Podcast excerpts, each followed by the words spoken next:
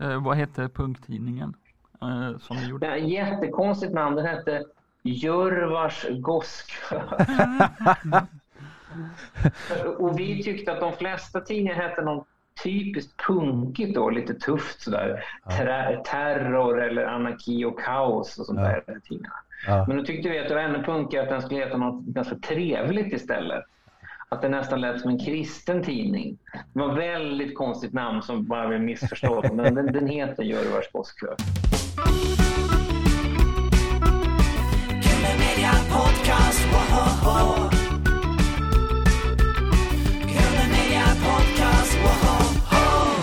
Välkommen jag Gravvall till Grunden Media Podcast med mig Carl-Magnus Eriksson och Jakob Olsson. Och Erik Jensen.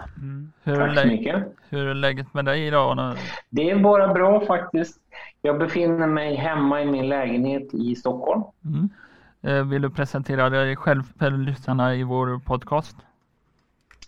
Det kan jag göra. Jag heter Jan Gradvall och jag har bevakat kan man säga, populärkultur och musik i, eh, ja, det är nästan 40 år faktiskt. Det har varit min hobby blev mitt yrke. Ja. Så i första hand har jag skrivit för en massa olika tidningar under många år. Mm. Och sen har jag dykt upp i tv nu. Det är ganska nytt. senaste 6-7 åren så är jag med i Nyhetsmorgon Mm. och jag är med i Postkodmiljonären Mm. där vi har träffats, Carl Magnus. Mm. Och är livlina där. Hur är det att vara livlina i panelen där med eh, Titti Schultz och eh, vilka är det mer? Det I panelen vi är tre stycken. Det är alltid jag och Titti. Ja, Och sen har den tredje personen växlat, så det har varit lite olika personer. Det har varit eh, Ami Brammesi har varit mycket nu. Marika Karlsson har varit ofta. Det har varit Kenneth Andersson, fotbollsspelare någon gång. Thomas Ravelli, också fotbollsspelare. Ja. Men det, det är roligt, det är väldigt kul att spela in. Och vi försöker ju hjälpa till så gott vi kan. Mm. Ibland kan vi ju inte frågan, då får vi säga det. Men ja, ganska ofta kan vi frågan, så det är kul. ja. Jag måste bara fråga där, för att du, alltså att ställa sig framför kameran efter så många år som eh, journalist liksom eh, och göra tv då, hur var det? Det, det var väldigt speciellt. Det är, en, det är en lång historia egentligen, men en anledning till att jag blev skrivande journalist var att jag tyckte det var väldigt obehagligt att prata inför folk så. Och jag, ända sedan högstadietiden så har jag stammat. Det vill säga att jag fastnar på ord och inte kan prata riktigt. Och det har ju varit en skräck att det skulle hända om jag var med i radio eller tv. Men sen har jag gått och tränat på det där och sen logoped i tio år faktiskt. Så att från kanske 40-årsåldern och framåt så har jag känt mig bekväm med det här. Men jag gör fortfarande andningsövningar varje dag. Så att jag är medveten om att det där kan inträffa. Mm. Du ska få första frågan här från eh, Rickard eh, Karl Magnus Sjöberg. Ja, Carl Magnus vill ju köra frågesport med dig också. Eh, fråga ett. Eh, vad heter bandet som ska göra avslutningsturné i Stockholm? 1. Iggy Pop. 2. Dolly Parton. 3. Bruce Springsteen. Eller 4. Rolling Stones. Då är rätt svar nummer fyra, Rolling Stones. Rätt. Vad säger du Jakob? Hade du gissat på samma? Ja. Jajamän. Ska du dit Janne? Jag ska dit, absolut. Jag, jag kan berätta också att jag gjorde faktiskt en intervju med Mick Jagger Ja, eh, förra veckan. Mm. På telefon Oj. bara. Han gjorde två intervjuer. just En det. gjorde han för radio, Med Erik Blix. Erik Blix gjorde. Ja. Och den andra gjorde jag. Så att jag kommer skriva den intervjun i Dagens Industris bilaga The Weekend. Det är mitt huvudjobb egentligen, att jag Mm. skriver där. Mm. Så det var jättespännande att få prata med honom. Är det första gången du pratar med honom eller har du intervjuat honom tidigare? Faktiskt den andra. Jag, Ja. jag hade gjort intervju en gång tidigare, eh, 1993. Mm. Så länge sedan han gjorde ett soloalbum som heter Wandering Spirit. Då träffade jag honom på riktigt faktiskt på ett hotellrum. Mm. How was uh, Mick Jagger to interview? Ja, men det är ju, han är smart, väldigt trevlig, eh, lätt att prata med. Mm. Och jag tyckte ju att jag försökte tänka mig hur han har det, att han får ungefär samma frågor hela tiden. Mm. Och så försökte jag tänka att kanske jag kan ge någon annan fråga som han tycker är lite överraskande att svara på. Så Mm. brukar jag försöka tänka ibland. Mm. Ja men det, det har jag förstått. De skiner ju upp och öppnar sig lite sådär. Man tänker, aha, du kan det där. Ja, för de är ju, de är ju musiknördar som vi Ja. är. Han Ja. älskar ju musik, det är så han började. Och han kommer nog inte kunna svara på hur det är att vara superstjärna, vad ska man säga då? Liksom. Men Mm. frågar man om någon speciell skiva eller någonting, det är det han tycker om att prata om. Eller så kan du fråga, är du nervös när du går upp på scenen? Det ser inte ut så i alla fall. Ja. ja, ja. Av hans fantastiska moves så eh, att döma så är det ingen nervositet där. Och han, han har ju samma moves idag vid 70, hur Nej. gammal är han? 75? Va- va- Nej, han är nej, han är mer. Han är 78 otroligt nog. Ja, han är Han fyller alltså 79 fem dagar innan den här konserten i- Stockholm då 31 juli. helt galet. Han är elastisk som få fortfarande. Säga. Mm. Mm. Ja, en fråga man undrar sådär, alltså hur det är att köra, att inte köra med Charlie Watts. Pratar om Charlie? Jag frågade om det. Jag frågade om det och han sa ju förstås att det var ju väldigt svårt. Det är svårt och väldigt sorgligt att han dog. Mm. Men han tyckte, nu gör de ändå ett försök att spela utan och då har de en ny ung, yngre trummis som måste ju spela på sitt sätt Ja. men samtidigt då försöker respektera Charlie Watts väldigt återhållsamma sätt. Han är ingen hårdrocktrummis som slår på mycket utan Nej. han spelar ju väldigt lite. Mm. Och deras nya trummis försöker spela så också. Steve Jordan va? Ja, du har, du, jag har faktiskt... Jag kan inte svära på det. Det hade varit en svår fråga i postkoden. Ja. På fyra alternativ hade jag prickat in, jag hade inte kunnat säga det. Nej. Eh, hur ser en vanlig vecka ut för dig? En vanlig vecka... Jag jobbar ju åt mig själv, så att jag går inte till något jobb faktiskt. Mm. Tidigare hade jag kontor jag satt på, men nu sitter jag hemma i hemmet. Ofta där jag sitter nu i köket faktiskt och jobbar. Så att mitt huvudarbete är att jag skriver då i Dagens Industris bilaga i Weekend. Mm. Så gör jag tre sidor varje fredag som är ganska mycket. Mm. Med lite recensioner, en krönika, lite om tv, lite om film. Eh, Och då och då gör jag intervjuer som den här Mick Jagger nu då, som jag gjorde för dem. Så det är huvudarbetet. Men sen håller jag på med, jag är med i Nyhetsmorgon på TV4 varannan fredag. Mm. Eh, Popprofessorn. Popprofessorn Ja. som de har hittat på det namnet. Jag är inte professor på riktigt. Ja. Inte än, men snart kanske. Nej, inte än. Så det gör jag. Och sen är jag i Göteborg ganska ofta och spelar in Postkodmiljonären. ja. Och sen håller jag faktiskt på nu, som jag börjat med, och ska skriva intensivt på höst. Jag håller på med en bok om ABBA. Ja, har du fått chansen att eh, prata med dem? Ja, det, det har jag faktiskt. Det är lite bakgrunden för att när jag var eh, nio år, den första skivan jag köpte för egna pengar var Abbas Waterloo. Mm. Det var liksom den första. Så det har alltid varit en favorit för mig.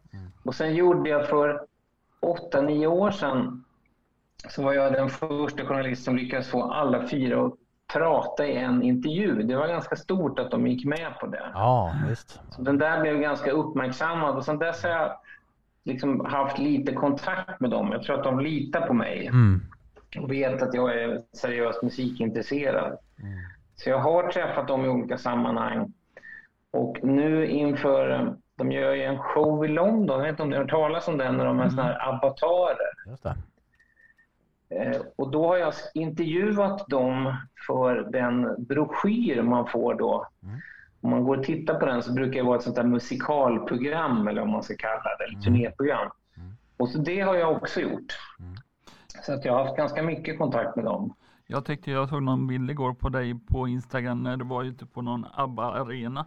Precis. De har, ju, de har ju byggt en helt ny arena i London. Från Ja. början var det menat att de skulle turnera med de här avatarerna. Mm. Men det gick inte tekniskt. Så att nu har de byggt en egen arena som det är premiär på 26 maj. Mm. Och sen kommer det vara då ABBA-konserter där varje kväll i säkert eh, månader, säkert flera år framöver. Det känns som det är en given hit alltså. Ja. Det är det ju. Eh, Ja, vad gillar du den senaste skivan då de släppte? nej men jag, jag är partisk. Jag, jag tycker det är, jag gillar det jättemycket. Jag tycker det är fantastiskt att de har gjort någonting nytt efter 40 år. Mm. Och sen som alla ABBA-album är alltid några ganska konstiga låtar. De har alltid haft eh, så här, nästan musikallåt eller helt annan sorts musik på sina album. Så har det nästan alltid varit faktiskt. Mm. Som I have a dream och sånt, det är ju inte popmusik, det är någonting annat. Och även den här, jag vet att en del reagerade på det, men jag tycker att så har alltid ABBA varit. Han blandar Ode to Freedom med Keep an Eye on Dan. Det var en bra Ja, bland- men precis. Att, att det, det är väldigt, väldigt olika sådär. Men jag, och jag tycker ju, i och med att jag är musikjournalist i grunden och har bevakat musik hela mitt liv egentligen, så tycker jag att det finns ingenting som ABBA. ABBA vad det gäller svensk musik är ABBA i särklass. Mm. Så att det är extra roligt därför att kunna göra någonting med just ABBA. Vilken ära får jag säga. Ja. Eh, när kommer boken? Den kommer nog inte... Det kommer dröja. Jag, jag måste lämna slutmanus i april 2023. Och sen tar det säkert minst ett halvår till. Så jag skulle säga vintern 2023 kanske. Carl Magnus Palm har väl varit den stora ABBA-författaren här i Sverige. Då får han lite sådär konkurrens höll jag på att säga av, av dig här då. Ja, fast, fast han, han är ju den bästa. Han är ju liksom världens ledande ABBA-historiker kan man säga och har gjort massor böcker. Otroligt. Min är kanske lite annan, lite mer så att säga en skriven bok. Han är ju en historiker verkligen och har Ja. rapporterat exakt om inspelningar. Ja. Så att min bok kanske är mer eh, kanske lite bredare på så sätt att det är historierna bakom så att säga. Men, men han Carl Magnus Palm är överlägset bäst. Han skulle besegra mig många gånger om en postkodmiljonär med ABBA-kunskaper. Ja men det sa alla de här grupperna har ju sin egen historiker. Beatles har ju Mark Levison. Eh, ja, precis, precis. Du Eh, har vad- koll. Du har koll. Hur kan du så mycket om musik? Det började egentligen när jag var tio år och jag köpte då Waterloo med ABBA. Mm. Eh, och sen blev jag väldigt musikintresserad. Jag tyckte det var roligt att lyssna på radio. Och så ville jag alltid veta mer om grupperna, jag ville lära mig mer. Jag har inte spelat instrument, konstigt nog. Mm. Så att jag har alltid varit en nyfiken lyssnare. Mm. Eh, och så märkte jag väl då när jag gick till skolgården och pratade med klasskompisar att ganska snart så kunde jag kanske mer än vad de kunde för att jag gick och lånade böcker på biblioteket och sådär. Och sen när jag var 16 år så var det mitt under punkvågen om ni känner till det med liksom Ja, 70. punkmusik. Som framförallt var en sån här gör det själv-era. Att man kunde bilda band fast man inte var bra på att spela. Man kunde ordna konserter fast man inte visste hur man gjorde. Mm. Och man kunde göra tidningar. Så att jag och en kompis gjorde en egen punktidning då. Ah, Och det, blev, det var så jag kom in och blev journalist. Jag har ingen journalistutbildning alls. Utan Mm. Jag gjorde bara den här punkttidningen och då tyckte efter några att Mats Olsson på Expressen ja. han gillade vad jag skrev och frågade om jag ville provskriva för Expressen. Så på den vägen är det. Eh, vad hette punkttidningen eh, som du gjorde? Det jättekonstigt namn. Den hette Jörvars Goskö. och vi tyckte att de flesta tidningar hette något typiskt punkigt då, lite tufft sådär. Ter- terror eller anarki och kaos och sånt Ja. där. de tidningarna. ja. Men då tyckte vi att det var ännu punkigare att den skulle heta något ganska trevligt istället. Att det nästan lät som en kristen tidning. Det var väldigt konstigt namn som bara blev missförstått. Men den, den heter Jörvars Goskö. Jag tycker det låter oerhört punkigt. Ja. Så, så kristet så det blir punkigt liksom. Ja. Ja, ja. Eh, vilka var dina första idoler? Förutom ABBA då? Ja, ABBA var det och sen så gillade jag eh, Slade, ett band på 70-talet. Mm. Ni är för unga för det, man har glömt dem då. Men, Kommer du ihåg någon liksom- Slade-låt Jakob? Ja. mm, mm. Come on feel the noise och Cause I love you och sånt. Men som var ju någon sorts lite, det kallas för glitterpop den vågen. Bowie, David Bowie var jättestor. Jag gillade mycket. Ett band som hette Motte Hoople Har vi gillade en jag. här som gillar David Bowie? Ja, vi har en kollega här som är stor. Vi pratade precis med honom. Ja, Ja. men jag är, jag är jättefan.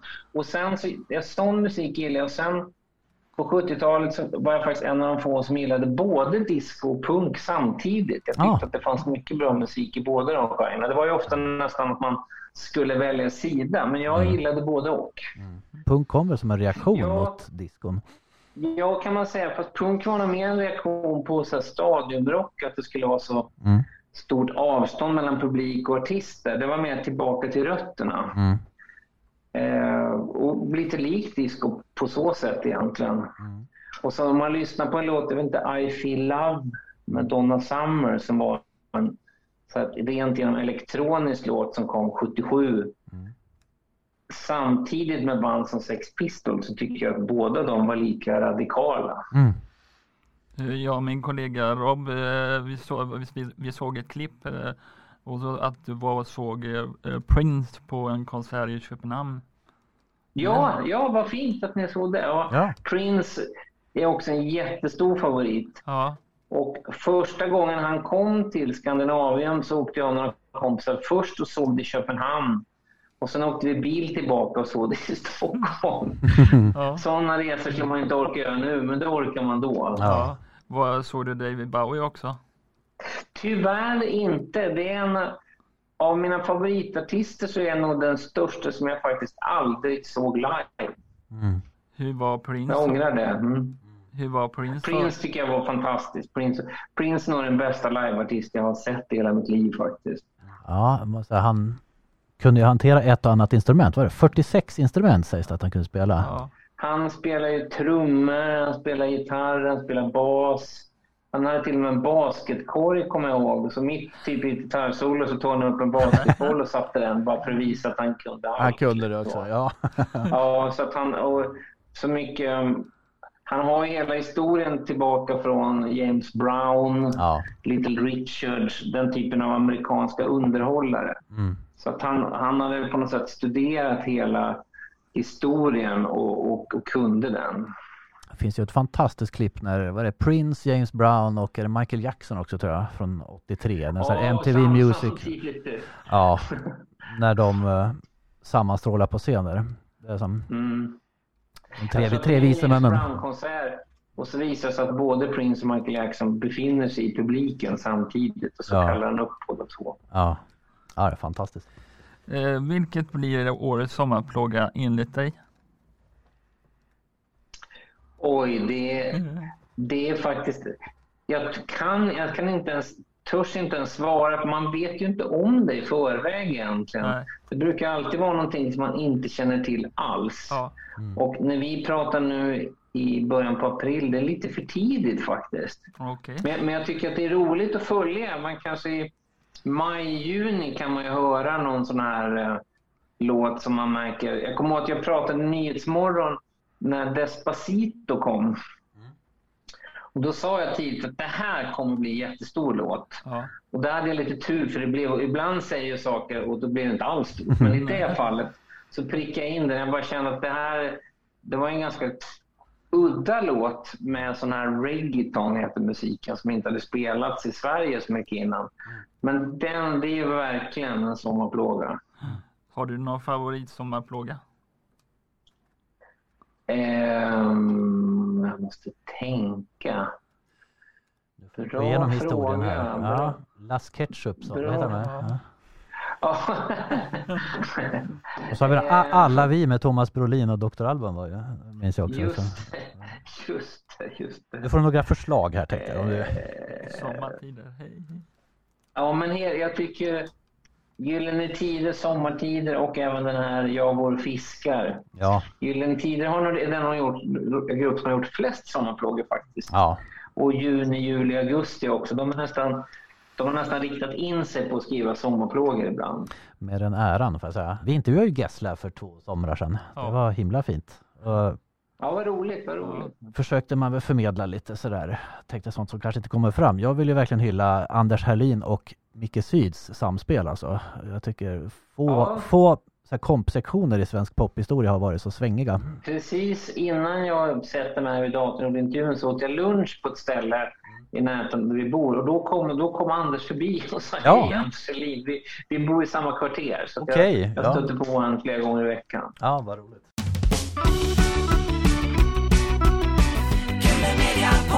Podcast, Media Podcast! Vilket decennium då anser du vara det mest spännande pophistoriskt? Jag tror att de, de flesta som håller på med musik och kanske pratar om och spelar skulle automatiskt säga 60-talet. Så att det var då nästan vår tids popkultur uppfanns. Men jag säger faktiskt 80-talet. För jag tycker att det var det mest experimentella decenniet och man kom på mest nya saker. Eh, mycket tack vare synthesizers, syntar då. Och att det hände väldigt mycket kreativa saker då. Inte minst Prince, jag skulle säga att Prince och Michael Jackson är väl de som gjorde den bästa musiken på 80-talet också. Men alla de här brittiska syntband som Human League, Soft Cell och sånt, att det, det var en väldigt spännande era och jag tycker att det låter bra fortfarande när man lyssnar på den här musiken också. Många trodde att när det var synt så trodde man att det var någonting man skulle tröttna på, men jag tycker nog tvärtom att den har åldrats väldigt väl. Så att jag säger 80-talet.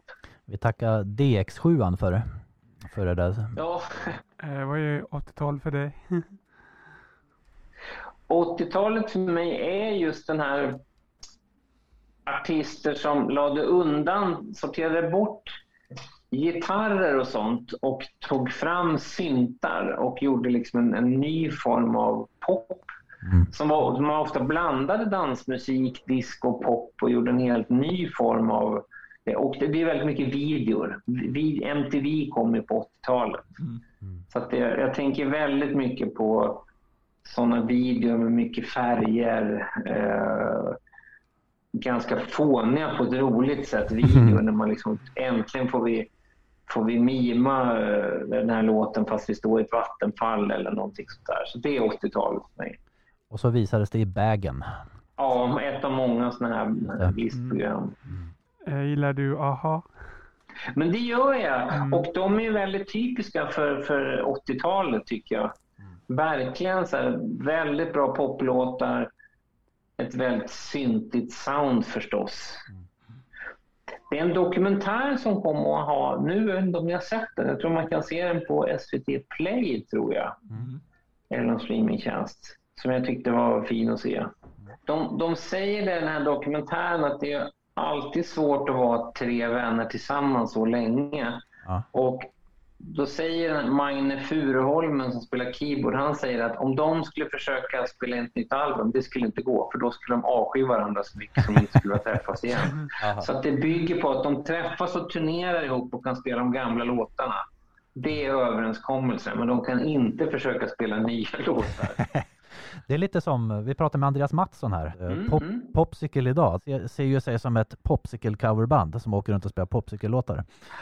Det är, det är en bra beskrivning tycker jag. Så Ja. tror jag väldigt många band gör. Och publiken vill nästan alltid höra de gamla låtarna. Ja. Det är som när Rolling Stones spelar. Man hoppas ju nästan att de inte ska spela några nya låtar. Liksom. ja. Eh, Får man bara fråga en sak, hur, hur gick det till när du fick eh, intervju med Mick Jagger?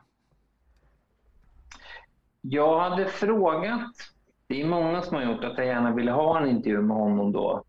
Men där tror jag att där var det viktigast att jag har hållit på så länge. Mm. De som bestämmer vilka han ska prata med, de kanske bestämmer att Mick Jagger gör två intervjuer för varje land. Mm. Då visste de personerna då att jag dels hade intervjuat honom en gång förut för 30 år sedan och att jag är en seriös musikjournalist. Så. Mm. Eh, och det är ganska, jag har fått ganska många intervjuer på det sättet tror jag, att jag har hållit på så pass länge så att min, min meritlista har gjort att jag får andra intervjuer. Och det är klart att det är en fördel när jag kan säga till någon att jag har intervjuat eh, Mick Jagger och ABBA så är det en fördel när man ska fråga nästa gång andra personer. Liksom. Ungefär som ni med er podd nu när ni har kan ni säga att ni har intervjuat Per Gessle så Ja. kommer ni få många fler. Får du hans telefonnummer då från eh, Mick Jagger? Nej, utan de fick mitt mobilnummer Och sen så är det en engelsk assistent som ringde upp mig. Eh, och sen kopplade hon på Mick Jagger. Och de till och med först ringde de dagen innan och bara sa att vi vill kolla att du har rätt nummer. Vi vill kolla att du vet att imorgon klockan tre så ringer vi. Och sen när klockan var tre så ringde den här assistentkvinnan upp och bara sa att Mick Jagger är sex minuter försenad. Bara så du vet. Väldigt proffsigt. Ja. Så att allt var väldigt ordnat och fixat sådär. Vem var roligast att intervjua och svårast? Det- den, den roligaste intervjun jag gjort, vi pratade om David Bowie förut. Mm. Den måste jag nog säga var det. Jag intervjuade honom, det var 1996. Eh, och som var i New York han höll på en studio där och spelade in ett nytt album. Det är ganska ovanligt att man får komma till en artist i en studio. Ofta är det kanske på ett hotellrum eller på telefon. Men det var det där i studion. Och då bestämde jag mig för att jag inte skulle fråga han om bara massa gamla saker som de flesta frågar. Mick Jagger har ju, eller vad säger jag, Bowie har gjort så mycket legendariska skivor så att det vore lätt att bara fråga om Ziggy Stardust och så vidare. Men han hade ju hållit på med ett år med det nya albumet då som hette Earthling sen. Så då beslutade jag mig för att faktiskt prata om det han hade gjort nu. Och det var ju precis det han ville prata om. Ja. Och då blev det väldigt kul. Han, blev väldigt, han tyckte det var roligt att prata. Jag skulle ha fått en timme, jag var kvar i två timmar och han sprang runt och visade saker. Han, hade, Ja. Han målar väldigt mycket också, eller målade, så han har gjort massa målningar som han har tejpat upp i studion för att ge bilder till musiken, så att säga. Mm. Så, så det tycker jag nog är den, den, den roligaste intervjun jag har gjort. Spännande. Du är en sann konstnär alltså. Ja, verkligen. Sen den, den, den jobbigaste intervjun är också ett, ett band som kanske inte är så känt nu som heter Violent Femme. Eh, som var rätt stora på 90-talet, 80-talet. Då var i alla fall så, sångaren, han var liksom trött, förkyld och ville bara gå därifrån. Då sa han, du har två frågor. Jag tänker bara svara på två frågor. Och första frågan så svarar han något sån här, nej, det håller jag inte alls med om. Och sen på fråga två så frågar jag så här, vad har religion betytt för dig? För att de hade återkommit till det mycket texten och då pratade han i 45 minuter. Åh, då fick du liksom en... det, ja, då kunde jag där liksom Ja. pussla ihop saker. Men det är nog den konstigaste intervju jag har gjort. Då kunde du Ja, frågat han om han hade varit med i Postkodmiljonären. Ja. Ja. det var tyvärr långt innan. Ja, Då kunde jag inte ens föreställa mig att jag skulle vara med i Postkodmiljonär. eh, jag såg på Instagram att du intervjuade Iggy Pop. eh, Han och eh, där ni satt i en Rolls Royce. Kommer du ihåg det? Jag har gjort, ja absolut, det var ganska nyligen. Det var i december, ett par veckor före jul. Ja, För Iggy Pop får ju Polarpriset i år. ja. Just det. Så han kommer komma till Stockholm och ta emot priset av kungen då i maj. Och jag har gjort uppdrag för Polarpriset i kanske tio år och åkt och gjort intervjuer med de kommande pristagarna i hemlighet i förväg. Som har filmats med filmkamera så man kan använda saker när man presenterar pristagaren. Så jag har gjort det med många stora artister och nu var det då Iggy Pop i Miami i december. Som var jätteroligt, jätteroligt verkligen. Och då, han är ju inte så superrik egentligen. Nej. Men han, han har en, en, en Rolls, Rolls Royce han åker runt i. Ja. Och det funkar i Miami, det finns inget snö eller hagel så han kan, kan ha sin Rolls Royce där. Den, det går att ha den i sånt klimat. Så han- det är ju välförtjänt pristagare där. Han var väl punkare långt innan begreppet ens existerade. Han och Stooges. Verkligen, han är ju punkens liksom farfar kan man säga. Att när punkbanden väl kom så spelade de låtar som Iggy Pop hade gjort sju, åtta år innan egentligen. Undrar om man träffar kungen i bartröja eller med kavaj.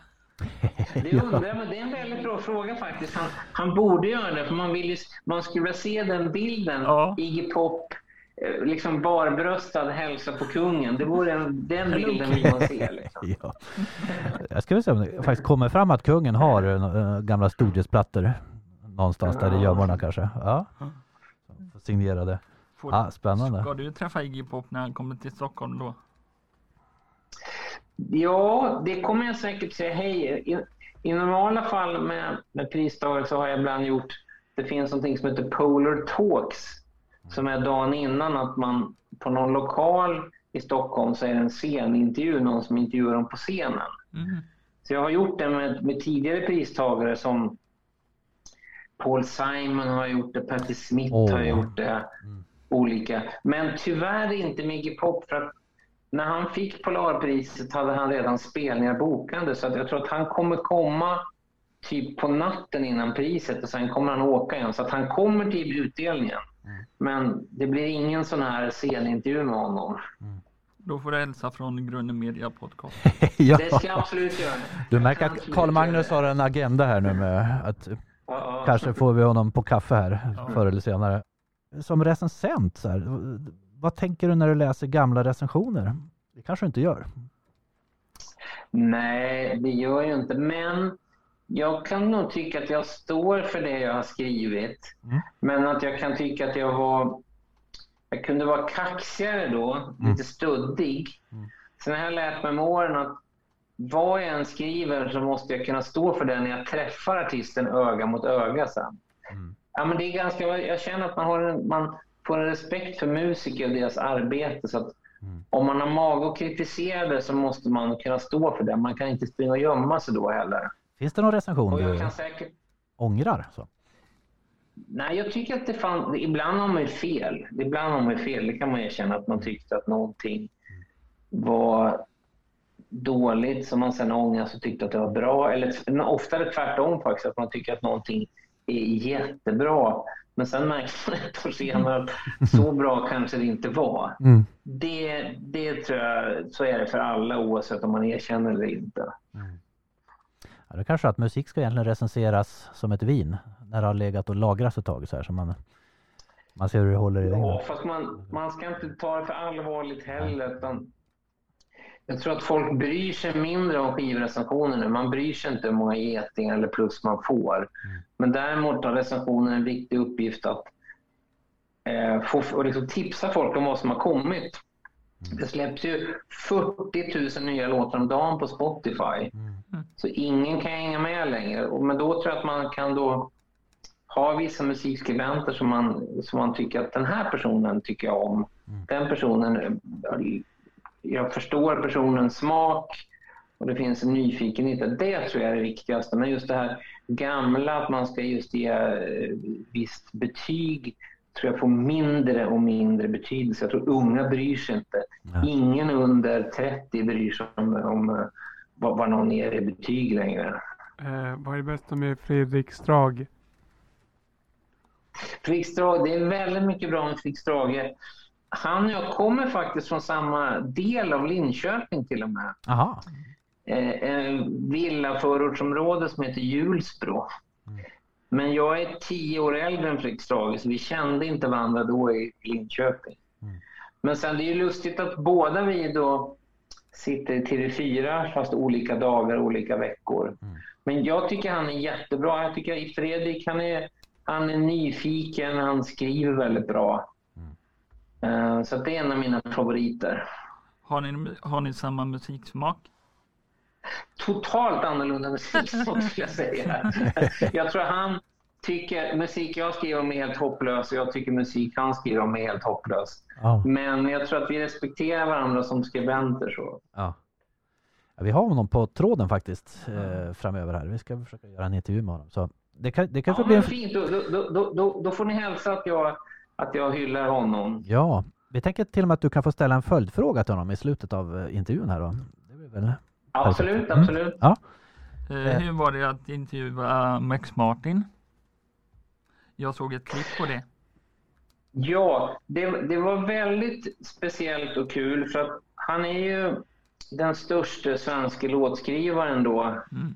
eh, genom tiderna. ABBA är en egen tävlan för sig, men vad det gäller att skriva hitlåtar åt andra så är Max Martin absolut störst.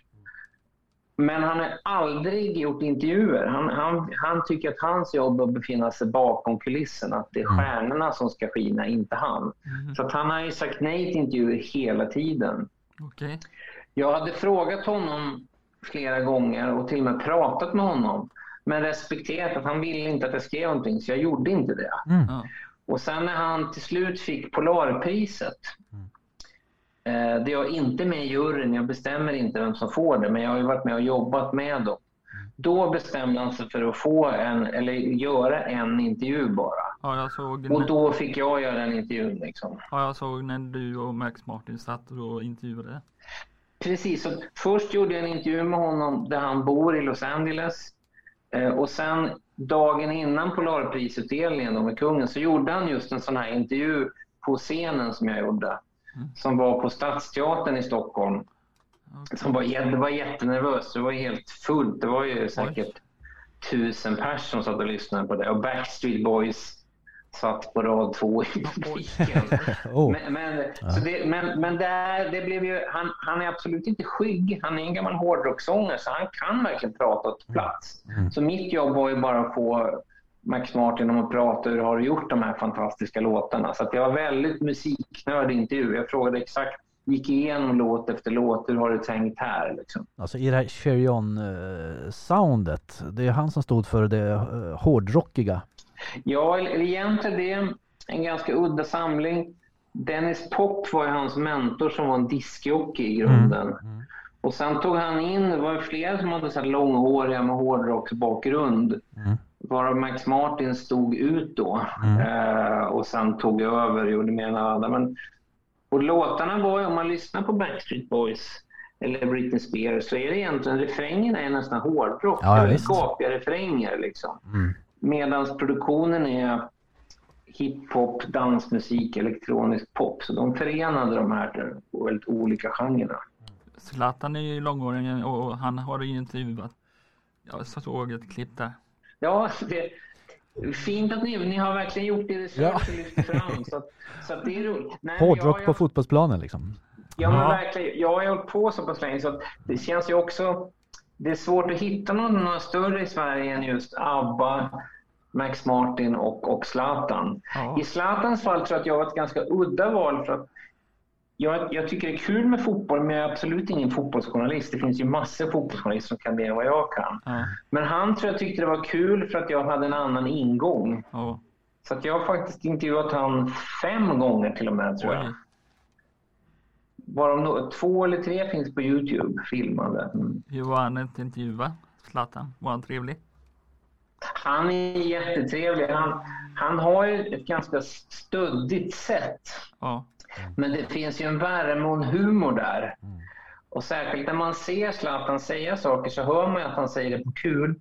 Sen när man tar det och trycker i en tidning så kan det framstå som att han har varit i blåsväder, att, att han kan säga någonting som menas som ett skämt men att det tas på allvar. Just det. Ja, det Men han, han är också en otrolig nörd som har lagt ner, han har lagt ner lika många timmar på en fotboll som Max Martin har gjort på att skriva låtar. Så det är roligt att prata med folk som är så otroligt duktiga på det de gör. Om du fick välja mellan fotboll och musik, vad skulle du välja då?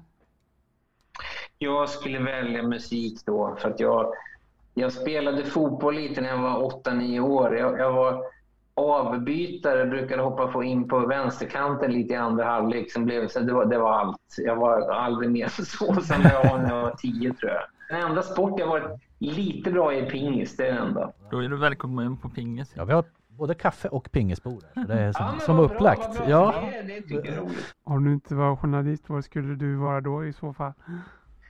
När jag gick i skolan, så musik var ju mitt stora intresse, men jag trodde ju inte jag skulle kunna leva på det. Så då gick jag ekonomisk linje med tanken att jag, jag hade ganska lätt för siffror och så, att jag skulle kunna bli revisor eller Ja. liknande. Så det var egentligen det jag utbildade mig till. Och sen blev det så att min hobby då, musiken, helt plötsligt så blev det mitt yrke. Men jag tror inte att jag hade blivit så bra revisor heller. Jag kanske hade blivit någon sorts... Um, stått i skivaffär kanske, förr i tiden. Jag kanske hade varit jobbat på något sorts arkiv. Som någon bibliotekarie eller historiker hade nog passat mig kanske. Du kan öppna en egen eh, skivaffär i Stockholm nu.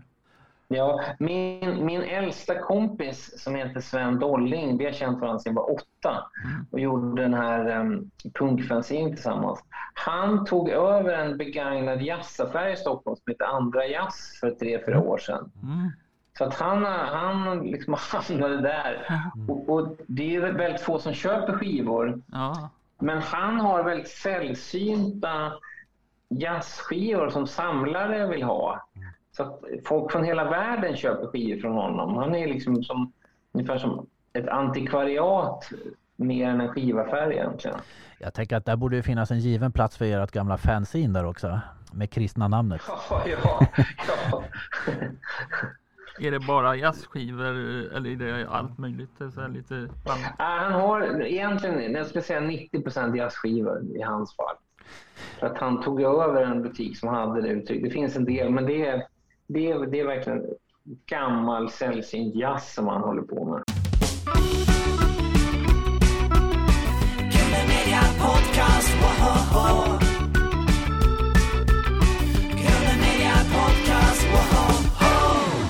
Apropå lyssnande. Jag tänker du har ju lyssnat mycket i dina dagar. Så här. Kan man gå på konsert och stänga av? Eller har du recensentens öra när du lyssnar på musik? Jag vet inte om jag skulle kalla det just recensentens öra, men jag har alltid... Jag går alltid dit med liksom Jan Gradvall, popälskarens öra. Så tillvida att jag står helt in och tänker på andra saker. Att jag, aha, den där låten, den kommer ju från det albumet. Så att, Ja, så att mina associationsbanor sätter igång hela tiden. Ja. Eh, på ett sätt som kanske kan nästan vara, vara jobbigt. Om jag skulle berätta för en utomstående allt jag tänker på så skulle jag vara galen tror jag. Ja. Men, men så är det. Så att jag har alltid Ja. Med att så fort jag ser någonting så, så tycker jag att jag lär mig någonting nytt eh, om det. Jag kan relatera till något annat, kommer på idéer. Så att Mm. min tankeverksamhet går igång hela tiden. Mm. Eh, men det är ju inte så att jag står liksom och tänker på, på getingbetyg. Det gör jag inte. Nej. Men, men jag, jag, jag, jag tycker att det, det är liksom väldigt kul att det berikar mig fortfarande. Måste du sätta betyg på varje konsert du går på? Nej, jag gör inte det. Den enda gången som jag har jobbat som just konsertrecensent var på Expressen för väldigt länge sedan. Mm. Säkert 30 år sedan. Så att det gör jag inte. Nu är det mer att man... Jag kanske ser någon artist och sen kan jag kanske ha nytta av det när jag intervjuar artisten. Eller att jag har koll vilken musik ska jag tipsa nästa gång i The Weekend som jag skriver om. Sådär. Eh, Så det är, det är mer för att hänga med och ha koll på vad som kommer tror jag som jag går på konsert. Vad roligt. Vilken är den, Jag bästa, vet det, jag tycker det är jätteroligt. Ja. vilken är den bästa livekonserten du har varit på inom tiderna? Det finns ett punkband som heter Clash. Ja.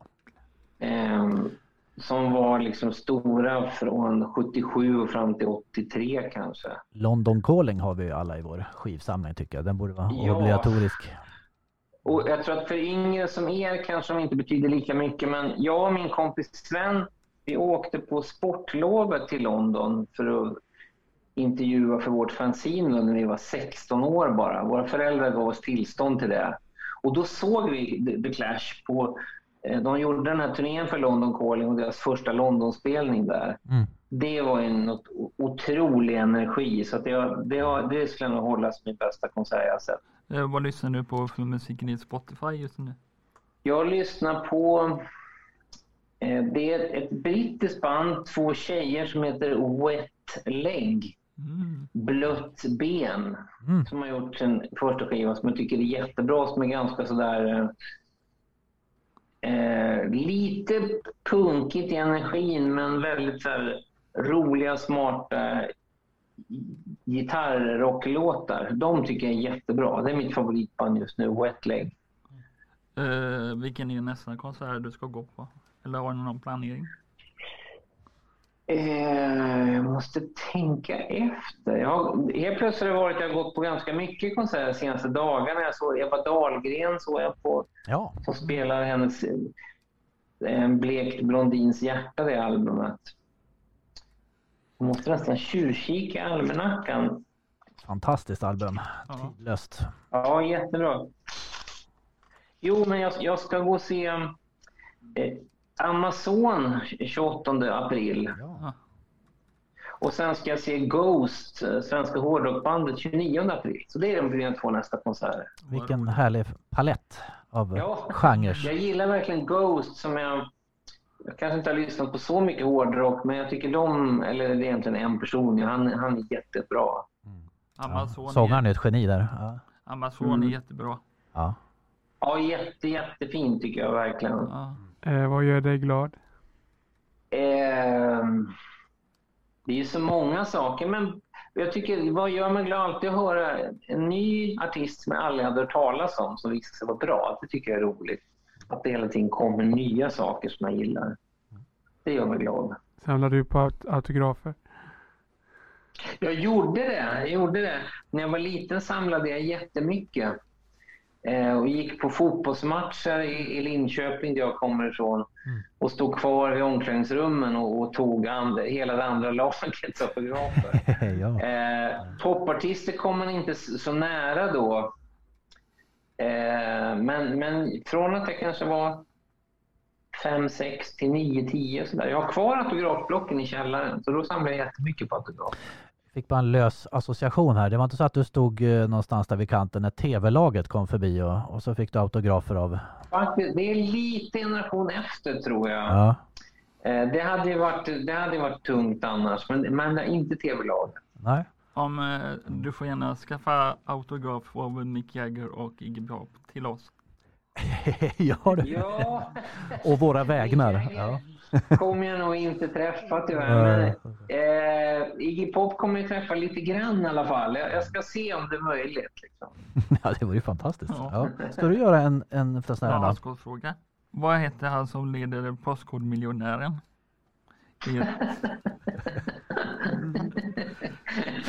Det är lite för lätt nästan. Ja, det får bli ring en vän här eller fråga, fråga en expert. Ring en vän Ja. eller Livlin.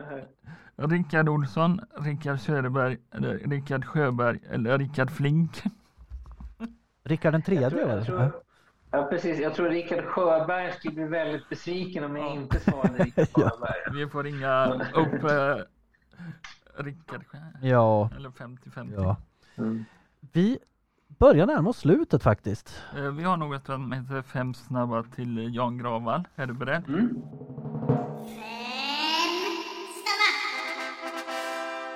Eh, Kaffe eller te? Kaffe? Leonard Cohen eller Bob Dylan? Bob Dylan. Man vill alltid då berömma den man inte sa, Leonard Cohen, men, men jag tycker Bob Dylan måste jag säga har gjort ännu fler låtar och album som jag verkligen har betytt mycket för mig. Så Dylan säger jag. Vem har du träffat av dem? Ingen av dem, ingen av dem har jag träffat. Andres Lokko eller Marcus Larsson? Det är alltid svårt med branschkollegor, men jag säger Anders Lokko. Man får ju säga båda vi, också. vi har tillsammans hade en sajt som heter Feber, så jag det. har känt Anders länge. Ja. Inget ont om Marcus Larsson, men jag säger Mar- Anders Lokko. Ja. Eh, Prince eller David Bowie? Oj, oj, oj, det här, den, den är nästan den frågan som man absolut inte vill svara på. Det, så här, om, om jag skulle nämna de två största genom tiderna på ett sätt så är det nästan de två. Eh, men då säger jag David Bowie faktiskt. Eh, hund eller katt?